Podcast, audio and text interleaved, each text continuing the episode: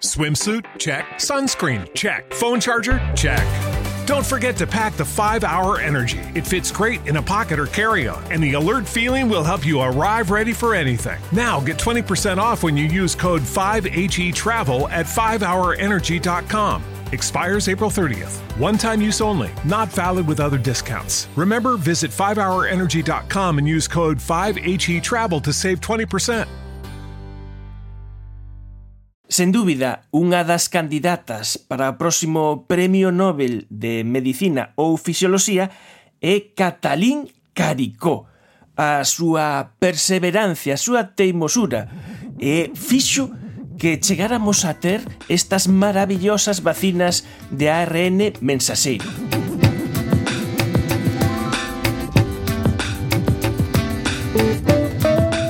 Para coñecer a súa historia, temos outro lado do teléfono a Luis Montoliu.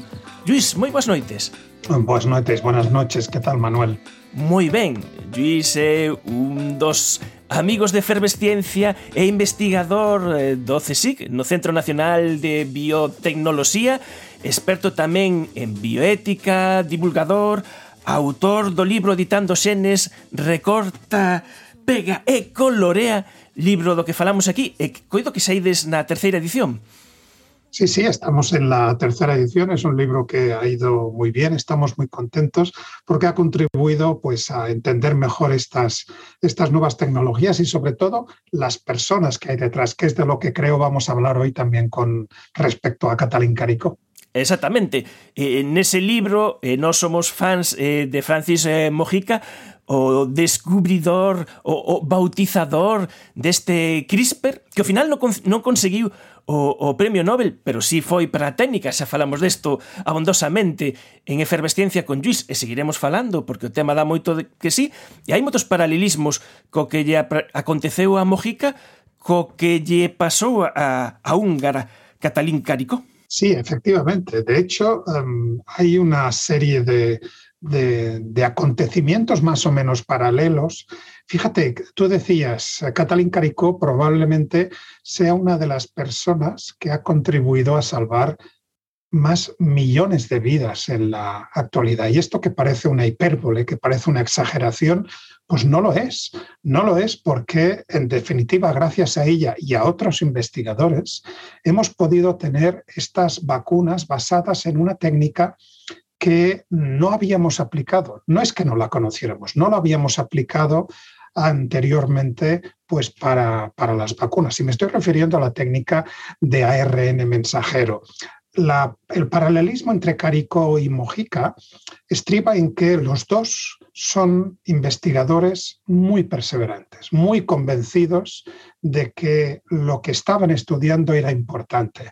Entonces, con independencia de los apoyos o la falta de apoyos que se da en los dos, tanto en Mojica como en Caricó, por parte de las instituciones, con independencia del desdén, de la ignorancia del resto de la comunidad científica, ¿no? que ahora todos se apuntan a aplaudirla, pero durante muchos años a Catalín Caricó la ignoraron y no le concedieron proyectos de investigación. ¿Te recuerdas? Es lo mismo que le pasó a Francis Mojica. ¿no?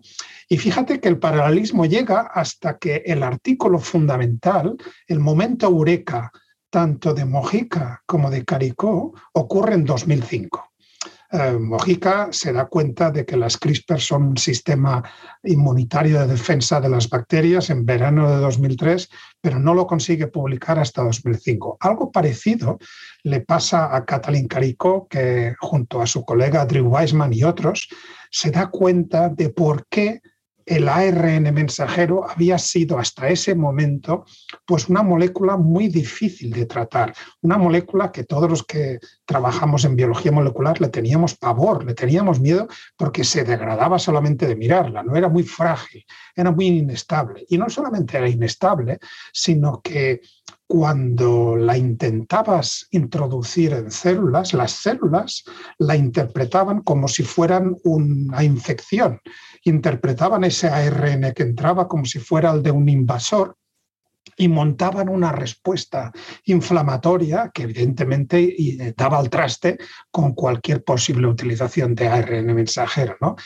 Y es entonces cuando tiene ese momento eureka a Katalin Caricó, y luego si quieres te explico más los detalles técnicos, pero los titulares son, se da cuenta de lo que hay que hacer para que este ARN no sea rechazado. Acordémonos que el ARN, a diferencia del ADN, el ADN tenemos cuatro letras, la A, la T, la G y la C, mientras que en el ARN, que es de una sola cadena, a diferencia del ADN, que son dos cadenas, lo que en el ADN es la T, en el ARN es la U. La U es, eh, es, la abreviatura de uridina, que es una de las bases nitrogenadas, que es distinta. Hace el papel de la T en el ARN y lo que se da cuenta ella es que la uridina, si la cambia químicamente, pero muy poquito, le cambia de uridina a pseudouridina, un cambio apenas, apenas imperceptible, una, pequeña, una pequeña reajuste de los átomos de, de esa molécula, hace que el ARN mensajero pasa a ser aceptado como propio. Y la célula ya conseguimos engañarla, ya conseguimos confundirla y ese ARN mensajero que recibe ya lo utiliza para lo que sirve. ¿Y para qué sirve un mensajero? Pues sirve para producir proteínas.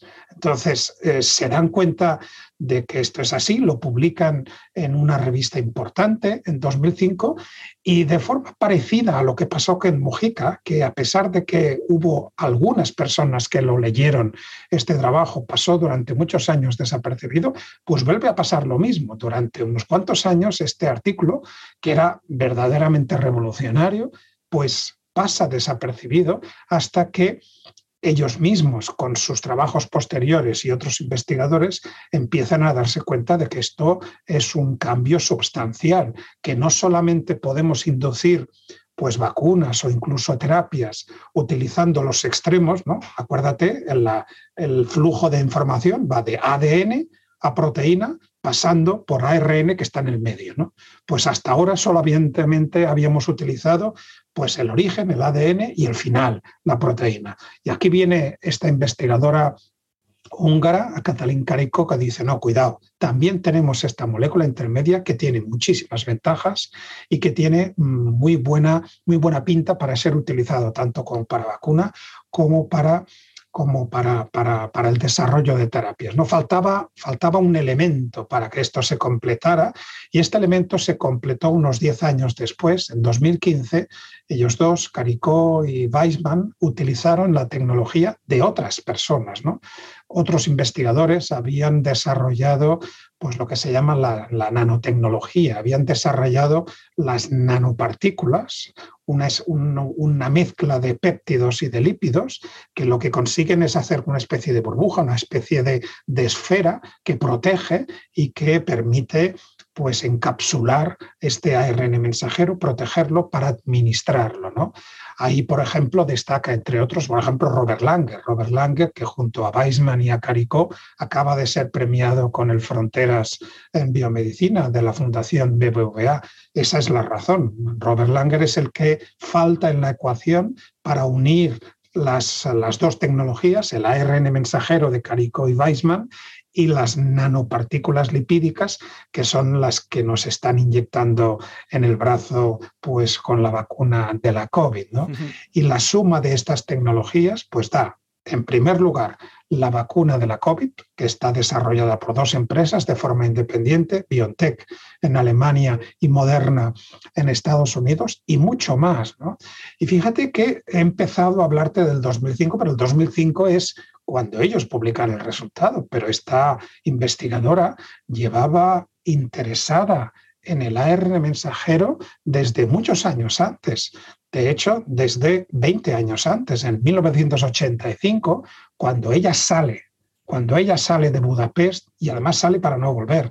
Y, sale, como se dice, una mano por delante y otra por atrás. Sale absolutamente de una forma muy precaria. Hay que recordar, en 1985 Hungría era un país de la órbita comunista.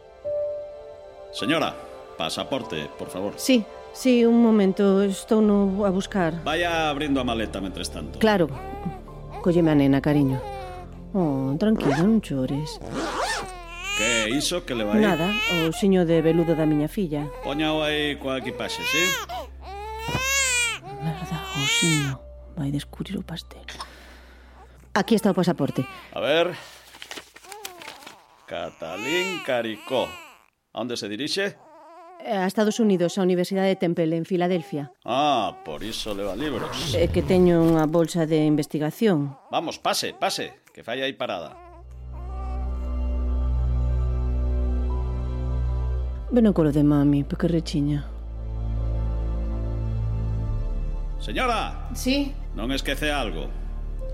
Tome, o oso de veludo da súa filla. Ah, sí, sí. Non vaya deixando cousas por aí.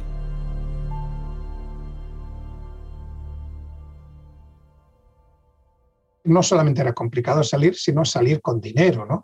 De hecho, no estaba, no estaba permitido salir con más de 100 dólares. Y, ella, junto a su marido y a su niña pequeña de dos años, pues eh, salen y lo que hacen es vender lo que tenían. Y lo que tenían era un coche, consiguen unos mil dólares que evidentemente no podía haber sacado legalmente del país y lo que hace es coserlos dentro del osito de peluche de su hija. Eh, con lo cual hay, incluso hay, una especie de, intrahistoria en esta salida. ¿no? Es la historia de una persona hecha a sí misma que sale con lo opuesto, aterriza en Estados Unidos y como inmigrante, pues evidentemente intenta contratarse en diferentes universidades. Empieza con unas universidades en Filadelfia, luego pasa una, una temporada en Bethesda, luego vuelve a Filadelfia y finalmente ahí se queda durante muchos años en la Facultad de Medicina en, de la Universidad de Pensilvania. ¿no? E sendo ademais casi o escalón máis baixo do mundo da, investiga de investigación, porque non chegou a dirixir o seu propio grupo.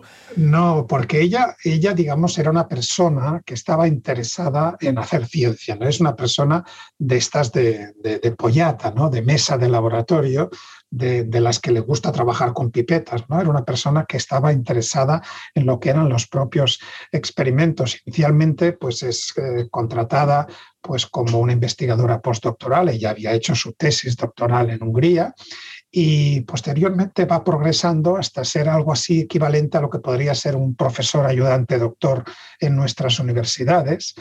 Y esto se mantiene, pero claro, esta posición, digamos, le permite pedir dinero para poder realizar sus investigaciones, pero lo que pasa es que la gente no cree, no cree en su idea, no cree en el ARN mensajero y sistemáticamente la mayor parte de los proyectos que pide se los tumban, no se los conceden y ella tiene que saltar pues entre diferentes laboratorios y de hecho llega al 95, llega al año 95, 10 años después de llegar y lo que sucede es que uno de sus últimos responsables del laboratorio, pensemos que ella estaba en el laboratorio de otra persona, de otro investigador, este otro investigador le ofrecen otro puesto en otro sitio, se va y entonces ella se queda como, como ahí eh, eh, esperando a ver dónde se va a reubicar. ¿no?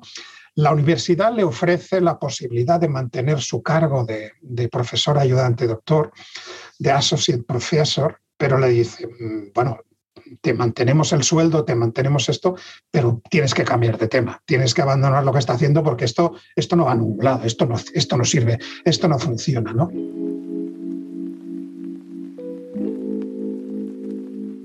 E agora que fago coa miña vida? A couga, Catalín. Es unha científica e podes pensar racionalmente. A ver, se acepto a proposta da universidade, terei fondos para investigar, Pero a costa de que? De deixar nun baúl todas as miñas investigacións de ARN. Pero están tolos. Non se dan conta que se o consigo imos ter a chave para curar unha chea de enfermidades e facer vacinas. Non, non. Todo este traballo non se pode botar o lixo así como así. Ai, sigue a pensar, Catalín, sigue a pensar. Se rexeito a oferta, quedo sen cartos, sen posibilidade de contratar alguén. É unha degradación en toda a regla. A miña idade volver a ser postdoc, outra vez. Pero se no fondo eu xa fago todo, para que necesito persoal? Eu desconxolo o conxelador, limpo o laboratorio, clolo as células, leo os protocolos de materiais radiactivos, os experimentos con materiais, fago todo cas miñas mans. Se alguén me pregunta por calquera detalle, podo responder porque o fixen eu. Está claro. Quedo co ARN. Sí.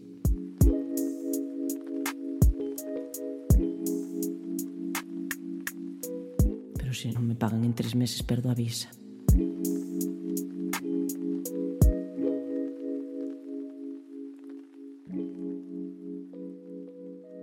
Y es ella la que dice, no, no, no, perdón, perdón, esto, esto es mi vida. Yo creo que estoy en lo cierto y contra viento y marea, pues renuncia a su posición estable y la universidad la degrada la degrada. Y esto es algo muy raro que ocurra, porque en lugar de promocionarse, vuelve a bajar al escalón de una investigadora postdoctoral que queda una especie de un terreno de nadie a la espera de poder colaborar o de colocarse en el laboratorio de otra, de otra persona. No admite esa bajada también de sueldo, etcétera. No, no ten acceso o, o a financiación por ela mesma, claro, tenlle que pedir a outra persona, un investigador principal. Absoluta, absolutamente. ¿no? Y entonces, eh, bueno, pues eh, lo que, lo que siempre digo, y me habrás escuchado muchas veces, y también ocurrió con Bojica, nos falta un elemento en toda esta historia, nos falta la serendipia. Nos falta ese momento de fortuna, ese momento en el cual se alinean los astros y que solamente es detectado detectado por las personas que, que son receptivas, ¿no? que están interesadas en aprender. Y ese momento de serendipia dicen las crónicas, ocurre alrededor de una máquina fotocopiadora. Ocurre en 1997, cuando Drew Weissman, Drew Weissman es un investigador que venía de los Institutos Nacionales de la Salud de Bethesda, que es reclutado por la Facultad de Medicina de la Universidad de Pensilvania, Drew Weissman se había formado con Anthony Fauci. Tony Fauci, que lo conocemos bien porque es el, digamos, es el responsable médico de la pandemia COVID-19 en Estados Unidos, ¿no? que lo puso uh, Trump y que, y que tuvo que aguantar las, tonter las tonterías las tonterías. Recordemos la cara de Fauci cuando Trump estaba diciendo lo de tomarse lejía, ¿no? Fauci estaba que, eh, Fauci estaba, que estaba para, para esconderse, ¿no? Pues Fauci formó a Drew Weissman. Eh, Drew Weissman estaba interesado en desarrollar terapias contra, contra el virus de la inmunodeficiencia adquirida, causante del SIDA, y llega, llega a la facultad donde está donde está, donde está Catalín. ¿no? Bueno, los científicos a veces hablamos de lo que es el, el elevator pitch. El elevator pitch en inglés es una, una, una, frase que quiere decir la conversación de ascensor. ¿no? Uh, remato a xiña, eh, non, non é necesario que marche, eh, pode agardar. Ah, non se preocupe, que agardo, doutor Weisman, non si? Sí? Si, sí, Drew Weisman. Eh, vostede era a doutora Carita ou como... Doutora Caricó Catalín Caricó. Estou afeita a que non pronuncien ben o meu apelido. Oh, ve como ia rematar a xiña. Acabo de quedar sen saldo na tarxeta da fotocopiadora. Non hai problema. Non hai nada que se nos resista aos especialistas en ARN. Todo menos o financiamento. Tome a miña tarxeta. Oh, moitas grazas. Xa só me quedan catro copias. A ver o que ten por aí resposta inmunolóxica ao virus da inmunodeficiencia humana. Así que, doutor Weisman, é vostede inmunólogo? Sí, eh, traballamos na pescuda dunha vacina contra a sida, pero o bicho sabe acocharse moi ben. Non sei se a conseguiremos algún día. Iso é porque non empregades ARN. Co ARN podese facer o que queiras. Pero fala en serio, doutora Carico. Falo, sí. Pero eu pensaba que non había ninguén traballando en ARN, que era unha vía morta. Estou falando de SIDA. Eu podo facer o que sexa co ARN mensaxeiro. Vaya, vaya, vaya, coa doutora Caricó. Este grado de convencimiento que yo creo que transmitió Caricó a Weisman, yo creo que desconcertó a Weisman. Dijo, ¿pero cómo? ¿Pero, pero está segura de esto? Y entonces empezaron a colaborar, ¿no? Empezaron a desarrollar estos, estos experimentos y estos experimentos culminaron pues ocho años después, ¿no? Fíjate el tiempo de desarrollar todas estas diferentes pruebas, de encontrar esta, esta, esta, este cambio químico en la, uridina para cambiarlo a pseudouridina y finalmente publicarlo en el 2005. ¿no? Publicarlo después de haber visitado pues, muchas revistas. Ellos realmente estaban convencidos de que habían dado la campanada del siglo, habían dado un, un avance considerable, ¿no? pero pues lo que son las cosas. ¿no? no hay nada más conservador que la comunidad científica. La comunidad científica se, resiste, se resiste a que alguien le diga que mm, muchos años anteriores habían estado equivocados. ¿no? Porque, porque resulta que el, el ARN mensajero lo, había descubierto otro premio Nobel, lo había descubierto Sidney, Sidney Brenner, ¿no? Y Sidney Brenner ya se había dado cuenta de, de su inestabilidad. Por lo tanto, digamos que e, era Vox Populi y, todos los investigadores sabíamos que esto de trabajar con ARN mensajero era como muy arriesgado, ¿no? Era como, era como diciendo, madre mía, pero si esto se te va a degradar, ¿dónde vas tú a pedir que esto se convierta en una terapia? Lo vamos a intentar administrar a la persona y antes de que pueda tener alguna consecuencia favorable, algún beneficio, pues va a desaparecer, el cuerpo lo va a degradar. ¿no? Y entonces ellos dicen, no, no, hemos encontrado la manera de que esto no ocurra y como que la gente, mm, como que ahí dice, mm, no sé, no sé, desconfía, ¿no?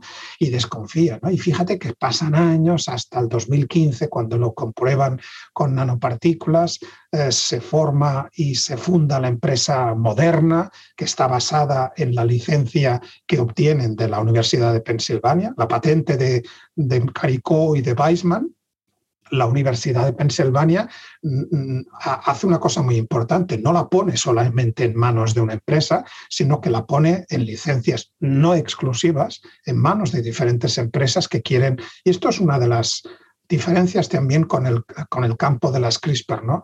Yo, bueno, esto es una opinión personal, pero uno de los problemas que veo yo con la batalla de patentes CRISPR, que ahora tenemos un nuevo episodio y quizá otro día hablamos de... Ah, pues tenemos que contarlo porque eso ya estamos, también lo seguimos. Eh, esto, esto es, eh, tenemos un nuevo episodio, ¿no? Pero en cualquier caso, uno de los problemas iniciales es que mm, tanto el Broad, inicialmente, el Instituto Broad, como la Universidad de California en Berkeley, crearon unas empresas ad hoc de nuevo y le concedieron a estas empresas la licencia exclusiva de utilización de estas tecnologías y fueron estas empresas recién creadas las que tuvieron que batallar y hacer pues acuerdos con las diferentes empresas farmacéuticas para desarrollar aplicaciones. Pero hubiera sido mucho más interesante esto es mi opinión de nuevo, eh, que tanto el Broad como la Universidad de California hubieran formalizado acuerdos no exclusivos con las grandes farmacéuticas. Digamos, una, una farmacéutica, por ejemplo, Novartis, me lo estoy inventando, eh, decido apostar CRISPR para, para, diabetes. Por ejemplo, Pfizer, decido apostar eh, CRISPR para cáncer. Entonces, cada una de ellas se queda con un pedazo del pastel, pero todas progresan a la par.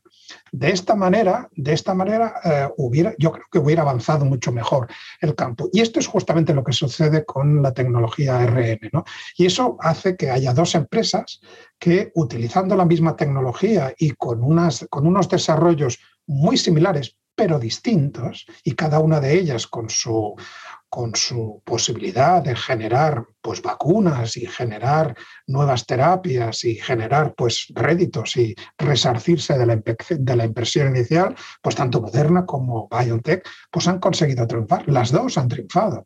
Y no solamente las dos han triunfado, sino que la humanidad ha triunfado, ¿no? porque hoy estamos ya casi bendiciendo y dando y despidiendo la pandemia, ¿no? Ya veremos si el coronavirus se entera de que realmente lo estamos despidiendo. Pero en general, si lo estamos haciendo, es porque hay 10.000 millones de personas vacunadas y muchas de ellas, muchas de estas vacunas están basadas en esta investigación que empezó una persona, una persona de origen muy humilde, una persona que estudió en una ciudad, Szeged, que está, está a unos 150 kilómetros al este de, de, Budapest, que estudió biología y que desde pequeña decidió que la molécula del ARN mensajero iba a ser su vida profesional. Y gracias a esta tenacidad, pues hoy estamos aquí hablando de ella en esta, en esta entrevista. Pois este perfil, a semblanza de Catalín Caricó, unha persoa a que, bueno, a, desde xa pasa a, nos, a nosa lista de persoeiros admirados e admirables. Eh, moitísimas grazas, eh, Luis, investigador do Centro Nacional de Biotecnoloxía, eh, divulgador, especialista en bioética tamén. Moitísimas grazas por non lo contar en Efervesciencia unha vez máis, onde é tamén a túa casa. Unha aperta moi grande. Gracias, Manuel. Hasta la próxima.